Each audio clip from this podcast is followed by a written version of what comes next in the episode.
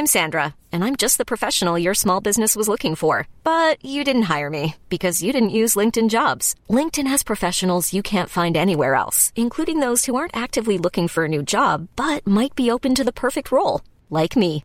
In a given month, over 70% of LinkedIn users don't visit other leading job sites. So if you're not looking on LinkedIn, you'll miss out on great candidates like Sandra. Start hiring professionals like a professional. Post your free job on linkedin.com/achieve today.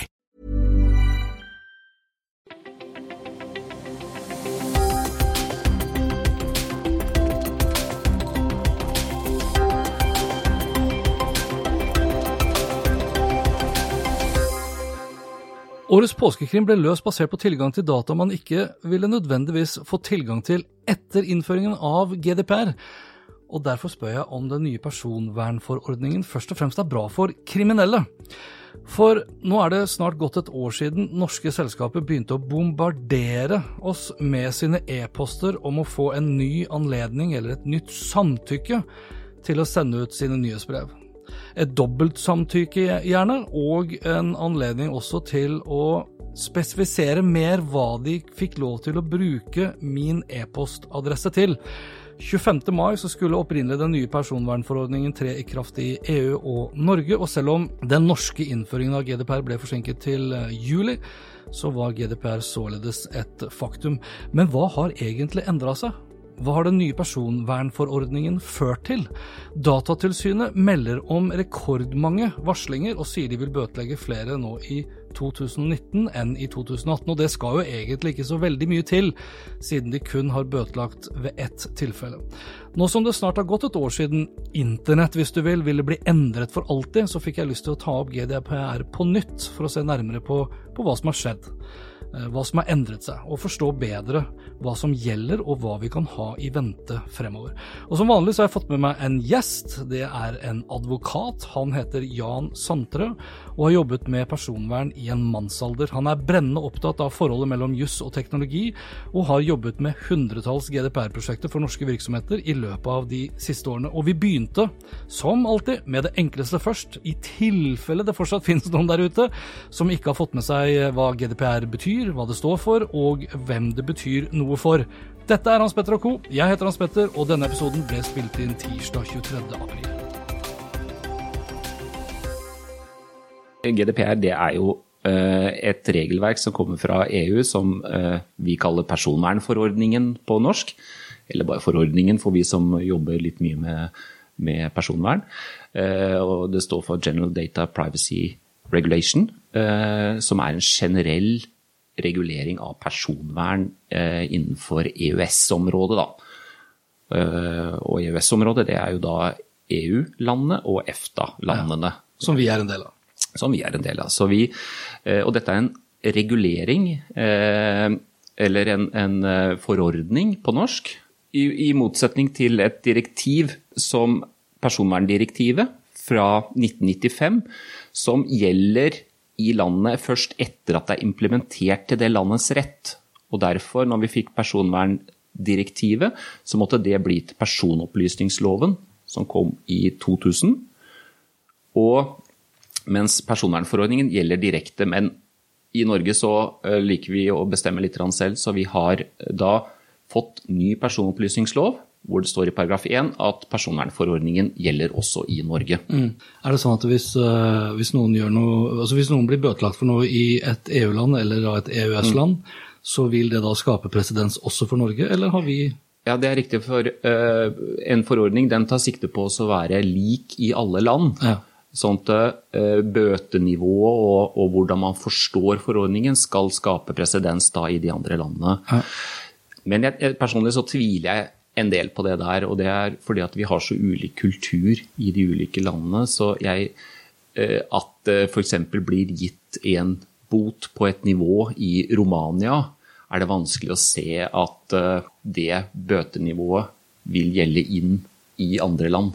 Ok, så selv om, for det, det Bøtenivået er på 4% av global omsetning, årlig global omsetning, er det ikke? Det, det er maksimalsatsen ja. for eh, enkelte typer brudd. Og så har du uh, et, et, annet trinn som er 2% Og så er det også fa, eller fikst eh, nivåer også i tillegg, da på 10, henholdsvis 10 og 20 millioner euro for de virksomheter da, som ikke har omsetning, sånn som offentlige etc., som gjelder andre typer brudd igjen. Men dette er maksimalsatser. Hvis man ser litt på de satsene, så kan man egentlig lese litt sånn Facebook ut av de satsene. For de passer så godt inn med hva som ville, uh, hva ville gjort vondt for Facebook. Nivå. Ja, er eller egentlig- Google. For Eller Google. ja. Google er vel eh, en av de gigantene som har fått bot. Ja, Google eller Facebook. Og Ja. du, selv om eh, Google eh, fikk jo en bot på, på 50 millioner euro, Ja. som ble vel som å knipse vekk en knott fra skuldra til, til Google, så, så liker de det ikke uansett, for de ser at det skaper en presedens. Og derfor så har de klaget inn den boten også, for å prøve også å få redusert den, eller eventuelt få den til å gå vekk. Men du ser det at de, de maksimalsatsene som kanskje har vært det som har vært det, det det har vært mest snakket om rundt omkring, da, de, de er ekstreme satser i de verste tilfellene. Så det høyeste nivået vi har sett i Norge hittil, og det eneste for så vidt, er de 1,6 millionene som Bergen kommune ble ilagt og har vedtatt, så den er endelig den, det nivået. Så vi ser jo det at eh, en bot på 1,6 millioner er jo ikke så mye for en kommune som har en så høy omsetning, kan man si, da, eller en, en så, så høyt budsjett årlig. Men allikevel så er det vondt nok. Det er en ripe i lakken òg, Det en- sånn omdømmemessig. Og det er nesten det viktigste. Ja. Ting er eh, ok, bot, greit nok, men, men det at du blir tatt med buksa nede og, og får et sånn spark fra, fra myndighetene, det, det er ikke greit eh, omdømmemessig. Og det Én ting er for en kommune eh, eller en offentlig virksomhet, men også for en privat så er ikke det noe særlig. Vi så nå at eh, i Polen fikk eh, Bisnode en bot for å webscrape, altså de eh, samla inn personopplysninger fra internett generelt, e-postadresser etc., i markedsøyemed, og fikk en bot da i Polen. Eh, og det er klart at det, det virker som Bisnode prøvde å holde dette hemmelig en stund. Det er litt vanskelig, egentlig, men eh, det er også viser at det, dette er ikke noe fint å få med seg, for dette slår jo for virksomheten i andre land. Ja, ja. Så, så noe av du nevnte innledningsvis noe av hva som har, dette har brakt med seg. Noe av det som har brakt med seg, er jo en ekstrem høyere attention på å drive riktig og tillitsvekkende med personopplysninger. Så det er eh, vi har, eh, Nå har jeg jobba med personvern siden 1995, og vi har vel aldri sett en så attention på ting, til tross for at eh, sanksjonene har ikke vært så ekstreme. Men det er veldig oppmerksomhet på Ja, du, sier, du sier jo at det, det har vært ett tilfelle i Norge. Eh, Datatilsynet sier vel også at det har vært rekordmange sånn anmeldelser, men vi har bare, fortsatt da bare én som har liksom blitt sanksjonert mot. ja, rekordmange varslinger. Ja, varslinger, Eh, ja. At, eller avviksmeldinger. Ja. Og det, avviksmeldinger det er- kommer jo både fra virksomhetene selv og fra andre. Så det, det er helt riktig. Men altså de prinsippene som gjelder, for det, altså, sånn kort fortalt er det vel egentlig sånn eh, Det handler om eh, hva du lagrer, mm. du, hvor lenge du lagrer det, og hvordan du lagrer det. Ja. Er det litt sånn, er det altfor enkelt forklart? Nei, du, du kan godt Altså si data, det. altså hvordan Ja. du lagrer data. Det, det, det er jo dette er en uh, G-en i GDPR står for general, så dette er helt generelt. Så personopplysninger det er jo alt man kan knytte til enkeltpersoner, eller til fysiske personer. Alt av opplysninger. Ja. Ingen grenser. IP-adresser og alt. Alt. Men eh, IP-adresser er jo ansett for å være en personopplysning. Jeg syns den er litt tøysete. Den, det er en dom fra EU-domstolen som sier det. Okay. Fordi at eh, en IP-adresse kan du sitte flere hundre mennesker bak, egentlig. Ja. Så det er jo litt vanskelig å koble det til en enkelt person. Ja. Du trenger mer opplysninger, men, men de har bare sagt kategorisk at jo, det er det. Og da må vi bare akseptere det. Jeg leste også at GDPR gjelder bilder. Ja, ja. Og Det- bilder jeg tar av andre personer på offentlig sted, liksom. Ja, eh, GDPR gjelder også bilder, men de er også veldig svakt behandla i GDPR. For jeg tror at det er, det er et veldig vanskelig område å forholde seg til. Ja. Tenk bare på det vi, vi kaller jo eh, særlige kategorier opplysninger, er jo rasemessige opplysninger, politisk eh, tilhørighet, Tilhørighet og seksuell eh, legning og så. Seksuell legning og sånne Ja. ting. Og eh, for eksempel eh, rase kan jo til en viss grad leses ut av et bilde. Ja. Så da skal jo egentlig et bilde av en person eh, som man vet, er, vet hvem er, skal jo også være en særlig kategori opplysning. Så det gjør det veldig vanskelig, det med bilder. Eh, så det er ikke spesielt behandla, men det er helt klart at eh, det opplysninger knytta til bildet av en enkelt person, det er også en personopplysning som reguleres av GDPR. Men jeg tror at det, det neste sånn store bølgen med personvern vi kommer til å få, det er når søkemotorene på ansikt blir enda bedre. Når det går an å søke til seg sjøl eller andre på internett via Google øh, via et bilde. Da, da, begynner vi å ja, Litt sånn reverse engineering. Da, at jeg legger inn et bilde av meg selv, mm. og så kan jeg søke om jeg finner bilder av meg selv andre steder. Som er veldig veldig gode. Eller at du søker på ditt navn, og så får du opp bilder og videoer du selv er, deltar i eller er i bakgrunnen av, etc. Ja, ja, det kommer jo til å bli helt sykt. Ja, men altså det, for Det er derfor jeg tar den praten med deg. for Nå har det gått, liksom, nå begynner det å nærme seg et år da, siden mm. opprinnelig. da, 25. mai var vel den magiske datoen hvor alle begynte ja. å sende ut e-poster for å få dobbel bekreftelse osv. Ja. Selv om i Norge så var det vel da i juli. Ja, men, øh, så Den neste bølgen, men har det vært noen bølge nå liksom ett år senere snart?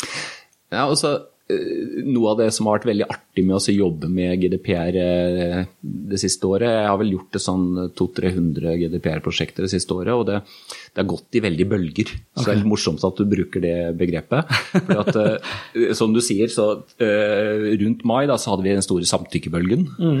Og informasjonsbølgen ble sendt informasjonsmailer. Så hadde vi en bølge med avviksmeldinger. Alle meldte og meldte og meldte.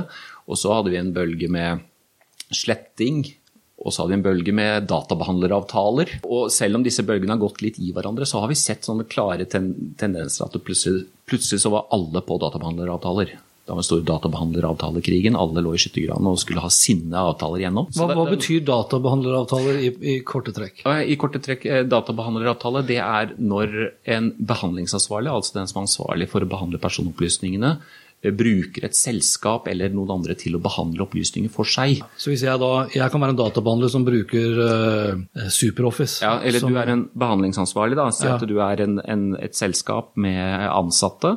Da er du behandlingsansvarlig for opplysningene om dine ansatte. Og så ja. bruker du SuperOffice eller et lønnssystem eller noe sånt noe for et annet selskap til å behandle personopplysningene om dine ansatte, ja. da vil det selskapet være en databehandler. Og da er det krav til at man inngår en databehandleravtale uh, med det selskapet. Og med den tidligere personopplysningsloven og personverndirektivet så, så, var det få krav til hva en databehandleravtale skulle inneholde, men nå er det kommet mange flere krav og klare krav i GDPR som gjør at man inngår i større grad uh, mer omfattende avtaler. Og det har vært en sånn kamp mellom eh, selskapene, behandlingsansvarlige databehandlere, hvilken avtale som skulle inngås. Mm. Og det har mye med at de, man har prøvd å dytte inn litt sånn ansvarsbegrensninger og ansvarspålegg og en del sånn andre ting inn i avtalene som egentlig ikke var nødvendig. Men man prøver å flytte litt posisjoner mens man likevel skal inngå en avtale. Så prøver man å forhandle litt og så prøve å bedre sin egen posisjon. Har det, har det skjedd noe på, på, de selskapene som vi kanskje har kjøpt tjenester av fra andre land utenfor EU. Altså, vi har sett enkelte aviser for eksempel, som da har sluttet nå. og liksom, Amerikanske aviser har i mange, altså noen tilfeller mm. så får du ikke tilgang til den amerikanske avisen fordi de ikke gidder å liksom tilpasse seg GDPR. Jeg sier gidder da for å være litt sånn tabloid. Vi har sett applikasjonsutviklere som også sier at det er for mye jobb for oss å tilpasse oss GDPR, så vi mm. dropper Europa. Har vi sett det liksom fra liksom, sånn type B2B-perspektiv? Eh, Absolutt. Vi har for, for, vi har jo sett det at uh, de store skyleverandørene alle har jo flytta datasentrene inn i Europa. Eh, nå tror jeg ikke at dette var noen spesiell eh, plan fra, fra EUs side da, å øke omsetning innenfor IT-markedet i Europa, men det har absolutt fungert sånn ved at eh, nå har jo alle de store leverandørene etablert datasentre i eh, Europa. Ja, for, å, for å, Hvor de da har de europeiske kundene, da? De, for å håndtere de europeiske kundene. Ja. Så så vi også den store skiftet da, som Facebook gjorde, ved at de flytta ut de ikke-europeiske kundene fra det irske datasenteret for å ja. redusere risikoen. Så dette er eh, helt tradisjonell amerikansk tankegang med risikohåndtering. Eh, ved at de drar ned risikoen ved å, å legge det inn, enten inn i Europa eller slutte å levere tjenester fra utenfra Europa og inn i Europa for å ikke risikere å bli omfattet av GDPR. For GDPR, der står det at hvis det er tjenester som er retta mot europeiske borgere, uavhengig av hvor de leveres fra, ja. så omfattes de. Ja, ikke sant? Så, så hvis jeg er en liten app-utvikler mm. som sitter på gutterommet nede i I don't know, i Bangladesh for en saks skyld, mm. så er det jo greiere for meg å ikke legge ut den appen tilgjengelig på europeiske app-butikker. Eh, gitt at uh, den underliggende, underliggende databasen da, for appen uh, ligger utenfor Europa, så ja. ville jeg ha tenkt sånn. Ja, hvis du bruker AVS eller, eller Asher innenfor Europa, så, så, er det egentlig greit. Ah, okay. Du kan fikse det også da med å inngå noen avtale med brukeren og sånn, men det er jo begrensa hvor mye en app-utvikler i Bangladesh ønsker å bruke av ja, europeiske advokater for å få dette på plass. Ja, jo, men altså, Hvis vi skal være litt sånn strenge på det, så kan det jo det her bidra til da, et litt mindre mangfold? Ja, det kan du, kan du si. Men det er jo som all alt som blir regulert i større grad, så vil du jo få en periode hvor du, det innskrenkes, for så utvides igjen til man finner den rette formen for virksomheten videre. Så ja, jeg, jeg tror sånn midlertidig, men samtidig så er jo dette også en sånn sunn markedsutvikling ved at noen av de, de mest ekstreme skrelles bort. Så det vil nok være en sånn overgang, og, og det ser vi jo mot de amerikanske. Du, du nevner at de amerikanske avisene har, har slutta å levere, ja, noen, mot, ja, levere mot Europa. og det jeg tror nok at det er mer indikator på hva de samler inn av data.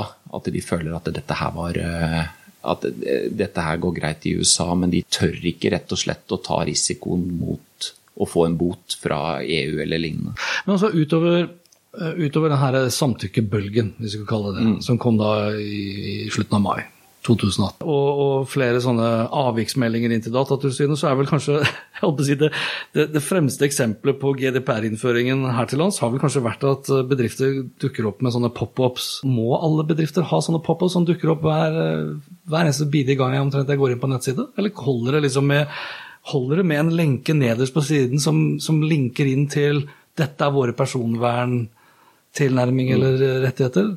Litt uh, ledende spørsmål der, Hans Petter, men, men uh, du har helt rett i forutsetningen der. Det, det holder i Norge, Aha. så holder det med en liten lenke nederst. Vi trenger ikke pop-ups. Jeg tror nok at mange velger pop-ups fordi at de, de driver i hele EU. Sånn de, de oh, ja, okay, så det er forskjell der, altså? altså de, ja, det er forskjell i andre land i EU. Ah. Så, så de, for dette her er ikke GDPR, dette er ekomloven Ekom-loven ja. og Ekom-direktivet. Eller e-handelsdirektivet. Så dette kommer til å reguleres av e-privacy-reguleringen, eller forordningen, som skulle kommet samtidig med GDPR, men pga. at det var så mye politikk, mye mer politikk, da, i Eh, i privacy-forordningen, så, så, ble den utsatt. De har ikke klart å lande den ennå. Nå har vel den overlevd tre presidentskap i EU. Nå er det Romania som har eh, presidentskapet. Og det er vel de som tviler på at den også kommer i år, selv om EU har lovet at det kommer et utkast i oktober. Den kommer til å regulere samtykke for markedsføring og cookies og en del andre ting. Ja. Så den blir veldig spennende hva som kommer der også. Alt dette må passe inn med GDPR, men samtidig så er dette noe mer spesialisert enn GDPR. Så den kommer til å gå foran GDPR på en del områder. Okay. Men inntil da så har vi våre egne regler i Norge som sier at vi trenger ikke å ha pop-ups. Det er noen som mener at vi, vi trenger det fordi at man behandler personopplysninger og sånn på en annen måte, men eh, det, det, gjelder ikke i Norge. Det er ingen fare. Det er gå inn på Datatilsynets sider og se om du ser en pop-up. Så ja, enkelt altså. er det. ok, så bare slapp av. og jeg vil også tvile på at det kommer til å komme pop-ups og en del sånne ting i, i privacy-forordningen. at det er et sånn trendbegrep som er eh, kommet nå, er sånn eh, samtykkenommenhet. Eller at du, du vi, vi begynner å bli så lei av samtykke. Altså, en pop-up Du samtykker jo ikke til behandling av personopplysninger, du samtykker til å få vekk den forbanna pop-upen. ja, det er i beste fall. Så dette, det her er bare tøys. Ja, og i verste fall så blir du jo faktisk straffet av Google.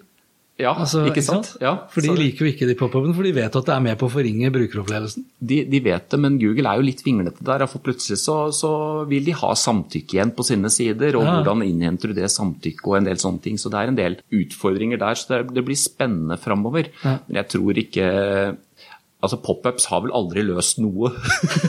Eller jo, tilført verden noe positivt.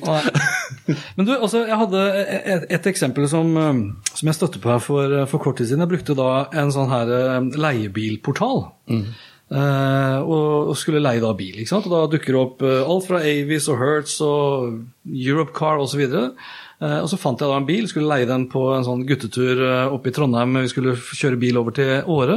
Og jeg la jo da inn all informasjon som seg hør og bør. Om det så er booking eller hotels.com eller rental cars osv. Så, videre, så legger du masse informasjon. Når jeg da kom opp til Trondheim på Værnes og skulle hente bilen, så måtte jeg fylle ut all informasjon på nytt igjen. Eh, og så fikk jeg da Behøver ikke nevne navnet på det selskapet, men i etterkant så fikk jeg jo da eh, en e-post hvor de da lurte på om jeg ikke kunne fylle ut sånn Hvor fornøyd er du med vår kundeservice osv. Og, så og da påpekte jeg akkurat det der, at jeg syntes det der var svært unødvendig. Og da svarte markedssjefen en uke tilbake at eh, det måtte de. Eh, Pga. personvernforordningen så hadde de ikke lov til å hente den informasjonen over fra rental cars og over til seg selv. Det høres jo feil. Det er feil.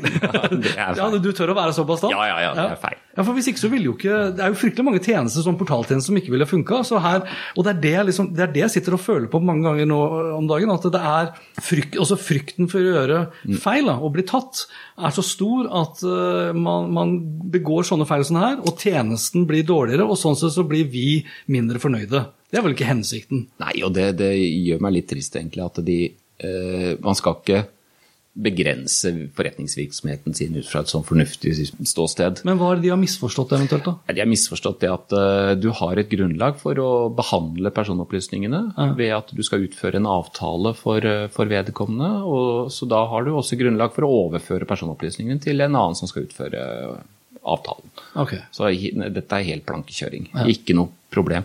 Men det, det er som du sier, at de, man blir litt skremt, og det er nok de bøtene som har skremt opp en del, eh, og, og tillitsbrudd, at du blir tatt for det, som gjør at man begrenser seg i altfor stor grad. Men jeg pleier å si til klientene mine at det, altså, dette, GDPR er sunn fornuft satt i, i system.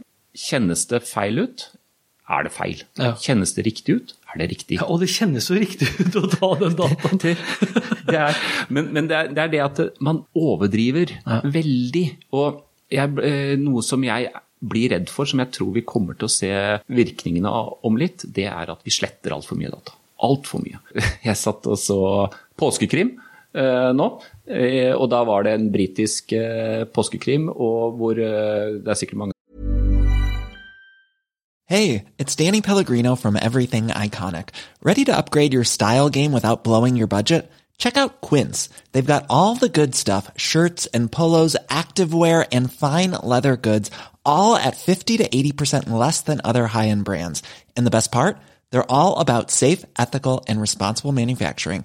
Get that luxury vibe without the luxury price tag. Hit up quince.com slash upgrade for free shipping and 365 day returns on your next order. That's quince.com slash upgrade. My business used to be weighed down by the complexities of in person payments. Then, Tap to Pay on iPhone and Stripe came along and changed everything. With Tap to Pay on iPhone and Stripe, I streamlined my payment process effortlessly. Now I can accept in person, contactless payments right from my iPhone. No extra hardware required. What's truly remarkable is how I can cater to all of my customers' payment preferences. Whether they're using cards, Apple Pay, or other digital wallets, Tap to Pay on iPhone and Stripe ensure a smooth checkout experience every time. And it's not just me. Stripe helps businesses of all sizes, from local markets to global retailers, scale quickly and stay agile. To learn how Tap to Pay on iPhone and Stripe can help grow your revenue and reach, visit stripe.com slash tap iPhone.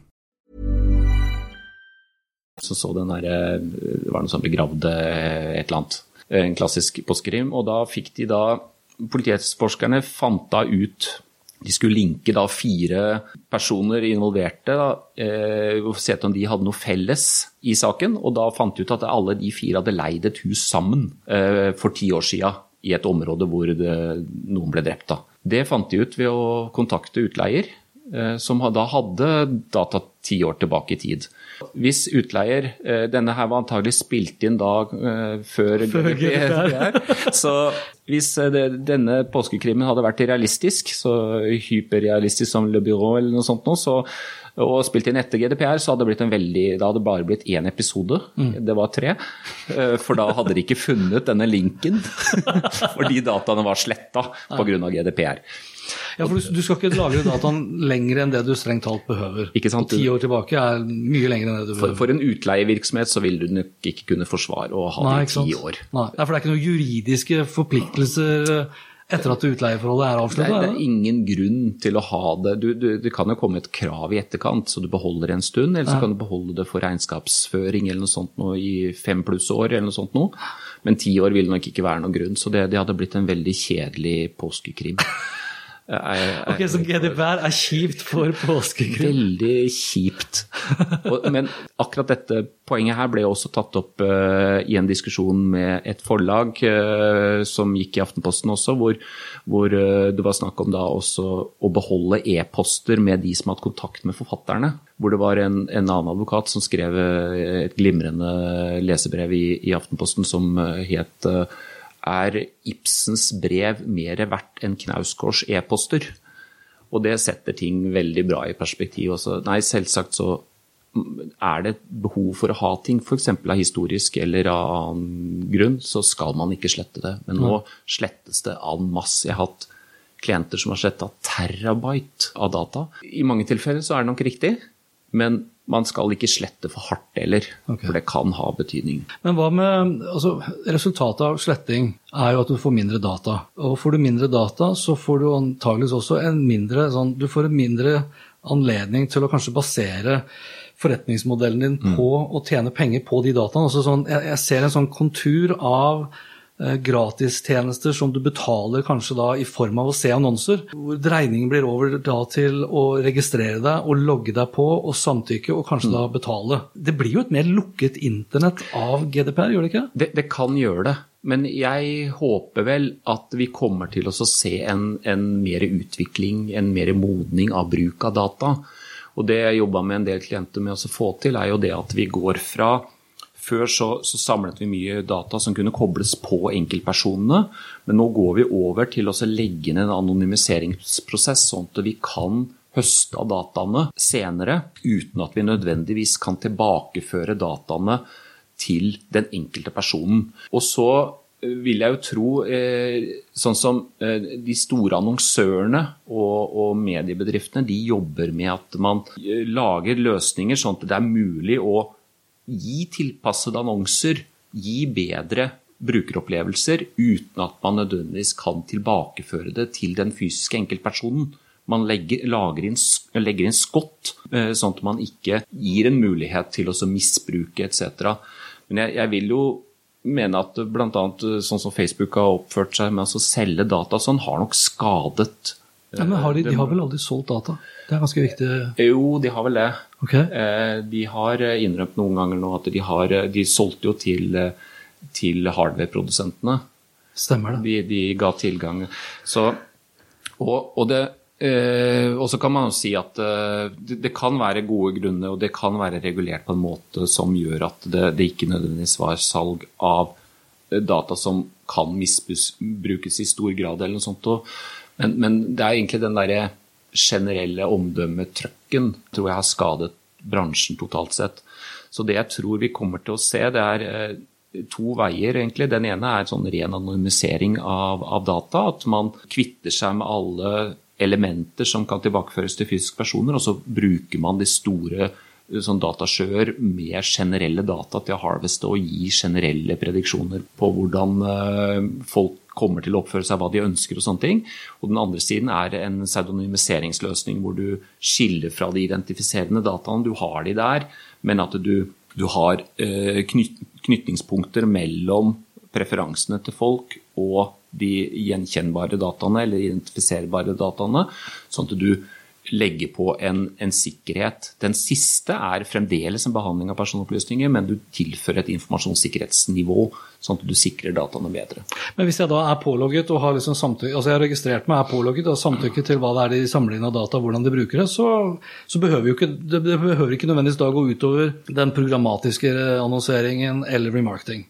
Nei. Men det er alt det som er åpent, som kan bli utsatt. Ja, og, og det har du helt rett i. at uh, Gitt at du samtykker, så, så, kan du i utgangspunktet Hvis du samtykker, så kan de, man egentlig gjøre hva som helst med dataene. Ja. Men det som er den store utfordringen der, det er hva er egentlig et godt nok samtykke da? Fordi at, uh, og det har jo egentlig Google vist ganske ettertrykkelig. at uh, det er vanskelig å kunne samtykke til alt de ville finne på å gjøre med dataene. Ja. Og Det viser jo akkurat det der med lokaliseringsdata og sånn, at du ja, på en, på en, på en Android-telefon eller på, på, apper som benyttes på, på, andre telefoner, så samtykker du. Du gir et samtykke når du tar i bruk appen, men det er allikevel så ekstrem bruk av dataene at det er vanskelig for den gjengse bruker å forstå egentlig hva har du samtykka til nå. Ja. ja. og Her har vi sett, her har vi for sett at eh, enkelte applikasjonsutviklere eh, starter med Uh, altså Det kan være et enkelt spill for alt jeg vet, mm. mm. eller en tjeneste som du bare finner fornuftig å bruke. Uh, og I selve samtykkeerklæringen så ligger det egentlig veldig lite. Og Så går det kanskje seks måneder, så kommer det en ny versjon. Ikke noen store endringer der heller, mm. bare liksom forbedring av GUI-en osv. Og, så og så kommer det enda en versjon og enda en versjon. Og den fjerde eller femte versjonen som kommer, mm. der åpnes det opp for å bruke dataen din i mye større grad. Mm. Og så ligger det en ny samtykkeerklæring. Den kommer ikke noen til å lese. Men da har du allerede godkjent der og da at de f.eks. får lov til å gjøre hva de vil med dataen, til og med selge den videre, for det er jo det veldig mange app-utviklere lever av. Prøve å få så mange som mulig til å laste ned, bruke en liten stund, og så selger de dataen videre. For de kommer ikke til å tjene dritt på selve appen i seg sjøl.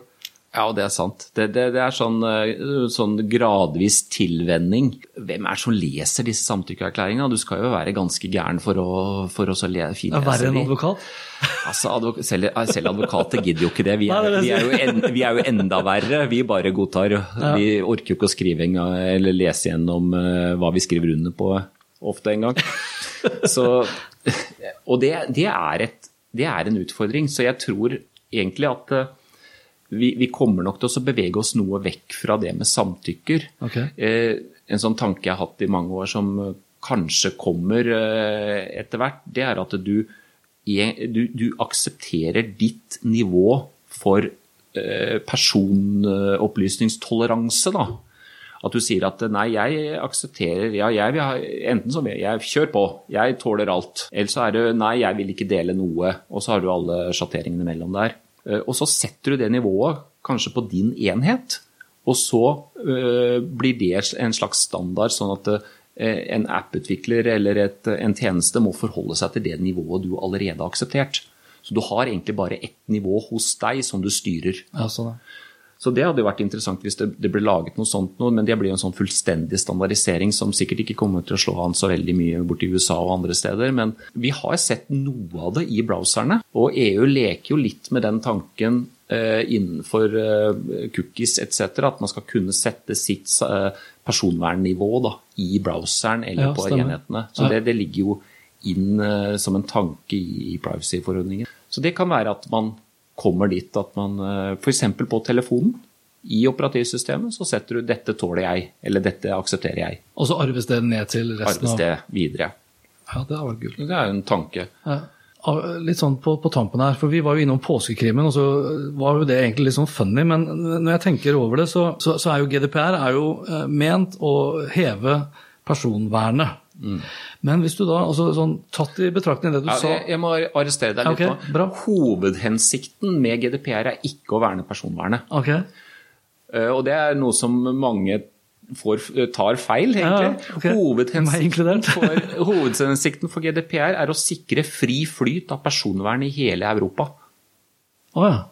Men da innenfor de, det rammeverket? Ikke sant? Ok. Altså, men den, den, er litt morsom. ja, det, ja, for det, for det høres ikke sånn ut. Nei, det er å sikre fri flyt. Og, og noe av grunnen til at vi fikk GDPR, var at uh, enkelte av EU-landene de tolka personverndirektivet annerledes. Ja. Bl.a. Uh, Storbritannia var veldig til å tolke definisjonen av personopplysningene innsnevrende, som ikke sikra fri flyt. Så det er jo litt sånn ironisk eh, oppi det hele. Jo, men hvis du tar, hvis du tar den analogien videre, Mm. opp imot da påskekrimmen, som, ikke hadde, som hadde vært en kjedelig påskekrim hvis den hadde vært spilt inn da etter GDPR, Mm.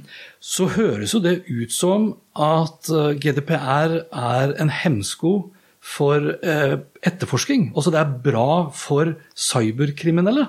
Ja, det kan du si. Og det var vel ikke hensikten Når vi vet liksom hvor mye F-skap som foregår på nett nå i dag, så er jo ikke det bra at GDPR har blitt til det positive for cyberkriminelle.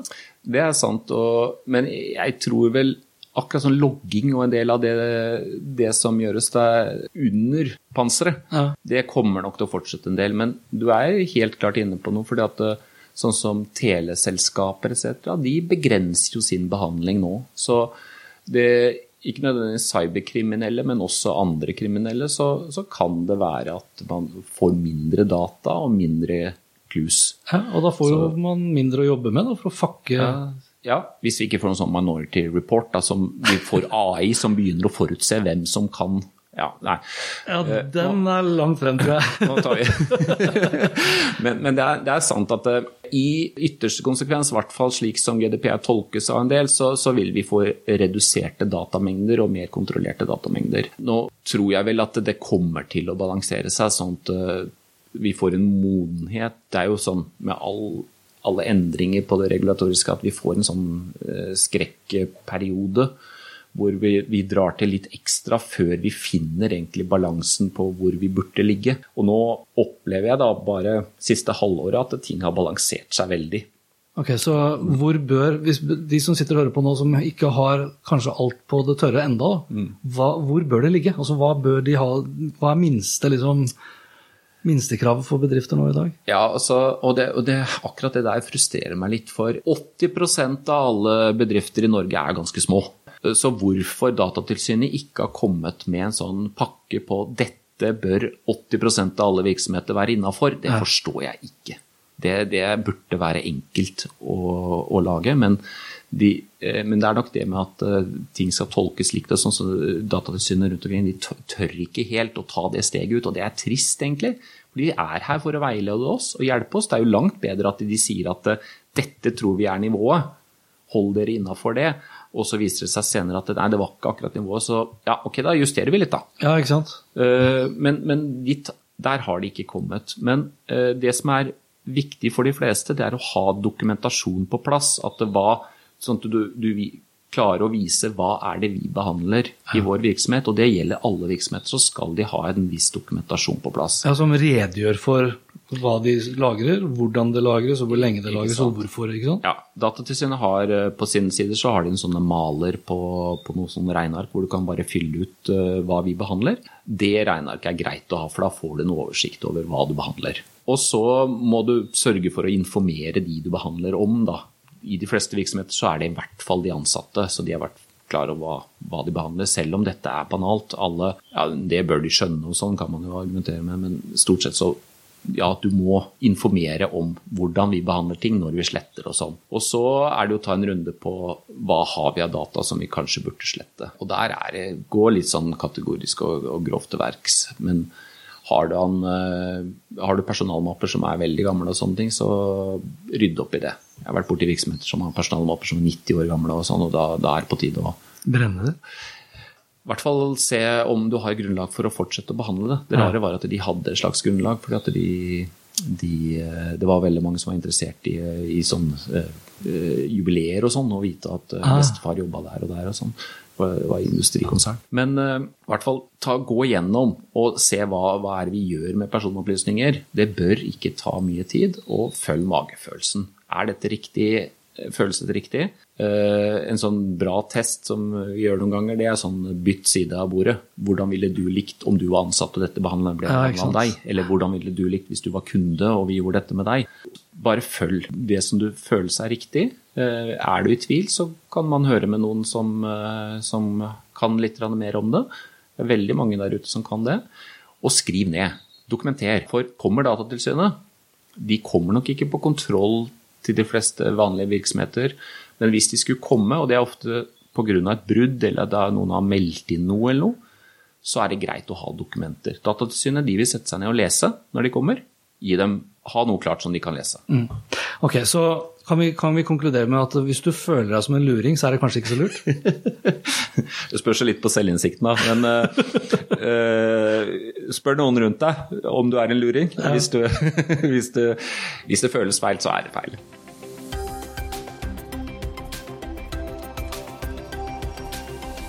Ok, there you have it. Synes du selv at uh, dette var lurt, så er det kanskje ikke så lurt. Har du basert deg på pop-ups for å samle inn samtykke fra dine lesere og kunder? Ikke gjør det, det fører ikke med seg noe bra, og er heller ikke nødvendig eller lovpålagt. Sats heller på å dokumentere hva for data du samler inn, og hvorfor du gjør det, og påse at det er sikkert lagret og ikke lenger enn hva du kan forsvare, altså ikke lenger i tid enn du strengt talt trenger. Og er det fortsatt ting som er uavklart eller uklart eller usikkert, og du har spørsmål osv., ta kontakt med Datatilsynet, eller kanskje enda bedre, ta kontakt med Jan Sandtrø. Du finner han på santrø.no, eller santro.no, hvor han har skrevet fryktelig mye bra om personvernforordningen i løpet av de siste årene, og alle de sakene om GDPR de finner du på santro.no slash gdpr. Dette var det for denne gang. Liker du det du hørte, og vil forsikre deg om at du får med deg de neste episodene, vel, da vet du hva du skal gjøre. Du abonnerer på Hans Petter Co. på Apple Podcaster eller på Spotify, Google Podcast, Overcast, TuneIn Radio og Acast. Jeg er stort sett tilgjengelig på det som kryper og går av populære podkastspillere. Inntil neste gang, vær nysgjerrig, for det er den beste måten å møte vår digitale fremtid på. Norske bedrifter har kjøpt råd og tjenester for mer enn 500 millioner kroner i forbindelse med de nye personvernreglene. Det skriver Dagens Næringsliv. Fristen for å være à jour med det nye regelverket er i dag. Loven gir anledning til å gi store bøter til de som bryter reglene og samtykke. For det er det veldig ofte det handler om. At man skal gi et aktivt samtykke på at man skal motta nyhetsbrev f.eks. Eh, og du ikke gjør det, da. Du bare sletter e-posten, sånn som jeg også gjør. Nå sitter jeg sånn her for jeg skal være litt sånn streng, fordi GDPR eller personvernforordningen er så streng. Men hvis du da ikke gjør det, så vil det i utgangspunktet da være slettet fra deres e-postlister. Eh, være seg da Adlibris og bokhandlere og nettbutikker osv. Og, så og det er kanskje greit da for mange å få rydda litt opp i alle de nyhetsbrevene man får eh, om dagen. Så det er ikke noe krise hvis man ikke har svart på alt dette her? Det kan jo være en krise for ditt vedkommende. At du liksom bare dropper å svare det, det ene øyeblikket, og så plutselig så viser det seg at det er et nyhetsbrev du har satt pris på. Da, da må du aktivt oppsøke ja. det på nytt, og så legge inn en e-postadresse. Det er jo ikke en reell krise? Nei, det vil jeg vel eh, det er, det er å dra det for langt. Ja, ja, for Men du, Fortell hvordan dette GTPR-lovverket skal beskytte deg og meg.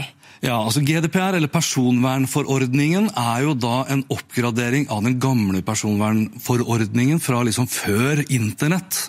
Eh, og Det handler om hvordan bedrifter skal eh, ivareta data på en bedre og tryggere og sikrere måte. Eh, på den ene siden, Og så er det jo da for oss som privatindivider hvordan vi skal få større kontroll over den dataen vi gir fra oss og herunder da dette aktive samtykket på at du skal få lov til å ha min e-postadresse, men jeg skal vite akkurat hva du bruker det til, eh, og du skal ikke få lov til som bedrift å bruke det til noe mer enn det jeg har samtykket om. Det er det det i prinsippet handler om. Hvordan kan dette misbrukes? Det misbrukes jo på veldig mange måter nå allerede i dag, ved at du kanskje gir fra deg en e-postadresse når du er i en butikk for at du ønsker å få eh, kvitteringen din elektronisk, og så kommer du hjem og så begynner du å renne på med e-poster. Det er det ene.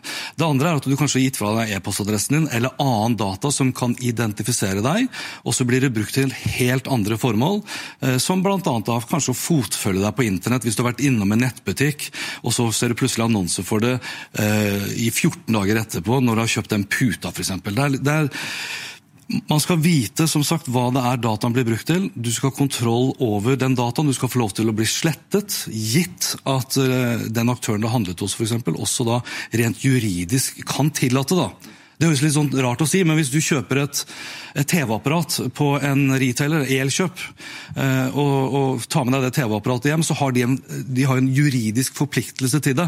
Så hvis du da ringer etterpå eller sender en e-post og sier jeg vil at dere skal slette all data om meg, så kan de si at nei, det kan jeg ikke gjøre.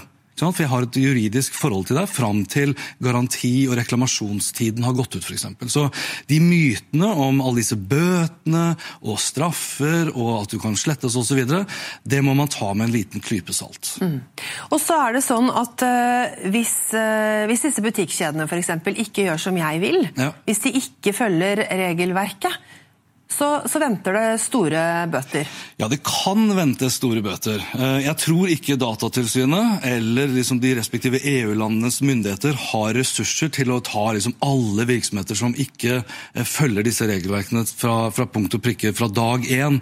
Eh, men jeg tror de fleste bedrifter med interesse for å ivareta kundene sine på en skikkelig måte, bør gjøre en innsats for å bli gode. Kanskje vi får et pålegg, kanskje vi får en forpakning, kanskje de får komme på TV da, med dårlig, dårlig mediedekning. Så alle, alle, bør jo ta vare på kundene sine på skikkelig måte. og Da bør de ta vare på dataen på skikkelig måte. Mm. Alle de som har fått uh, disse tekstmeldingene og, og, brevene som vi snakket om uh, innledningsvis, ja. uh, vil det stoppe nå, nå som denne fristen har gått ut, eller Nei. vil det fortsette fram til juli når loven trer i kraft? Det vil fortsette, og så syns jeg alle bedrifter nå som har fått, til, de, fått inn disse e-postadressene på en skikkelig måte, de behøver jo i utgangspunktet ikke å sende ut et nytt nytt eh, e-postbrev og be om dette nye samtykket, så fremst de da ikke har tenkt å be om å få lov å bruke dataen på andre måter. Så det er veldig mye unødvendig e-post som går ut om dagen, som da enten irriterer folk, eller som bare rett og slett fører til at du bare sletter for du har ikke tid til å håndtere det. Og så har de plutselig mista den dialogen de hadde med deg, uten at det strengt talt var nødvendig. Mm. Så de har på seg litt sånn bukseseler og, og, og belte ja, altså, her, er de redde for å gjøre feil? Vi hørte jo, vi hørte jo nyhetsinnslaget her nå fra folk flest som ikke vet hva GDPR er.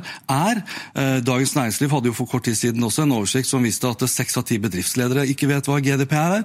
Så det er veldig mange som er liksom bedre føre var og bare hiver seg ut av det her, og så gjør man masse unødvendige ting. En mann i 70-årene omkom etter at en lastebil Why don't more infant formula companies use organic, grass-fed whole milk instead of skim? Why don't more infant formula companies use the latest breast milk science? Why don't more infant formula companies run their own clinical trials? Why don't more infant formula companies use more of the proteins found in breast milk? Why don't more infant formula companies have their own factories instead of outsourcing their manufacturing? We wondered the same thing. So we made ByHeart, a better formula for formula. Learn more at byheart.com. My business used to be weighed down by the complexities of in person payments. Then, Tap to Pay on iPhone and Stripe came along and changed everything. With Tap to Pay on iPhone and Stripe, I streamline my payment process effortlessly. Now I can accept in person, contactless payments right from my iPhone. No extra hardware required. What's truly remarkable is how I can cater to all of my customers' payment preferences.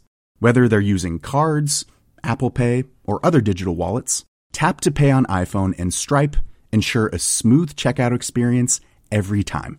And it's not just me. Stripe helps businesses of all sizes, from local markets to global retailers, scale quickly and stay agile. To learn how Tap to Pay on iPhone and Stripe can help grow your revenue and reach, visit stripe.com slash tap iPhone.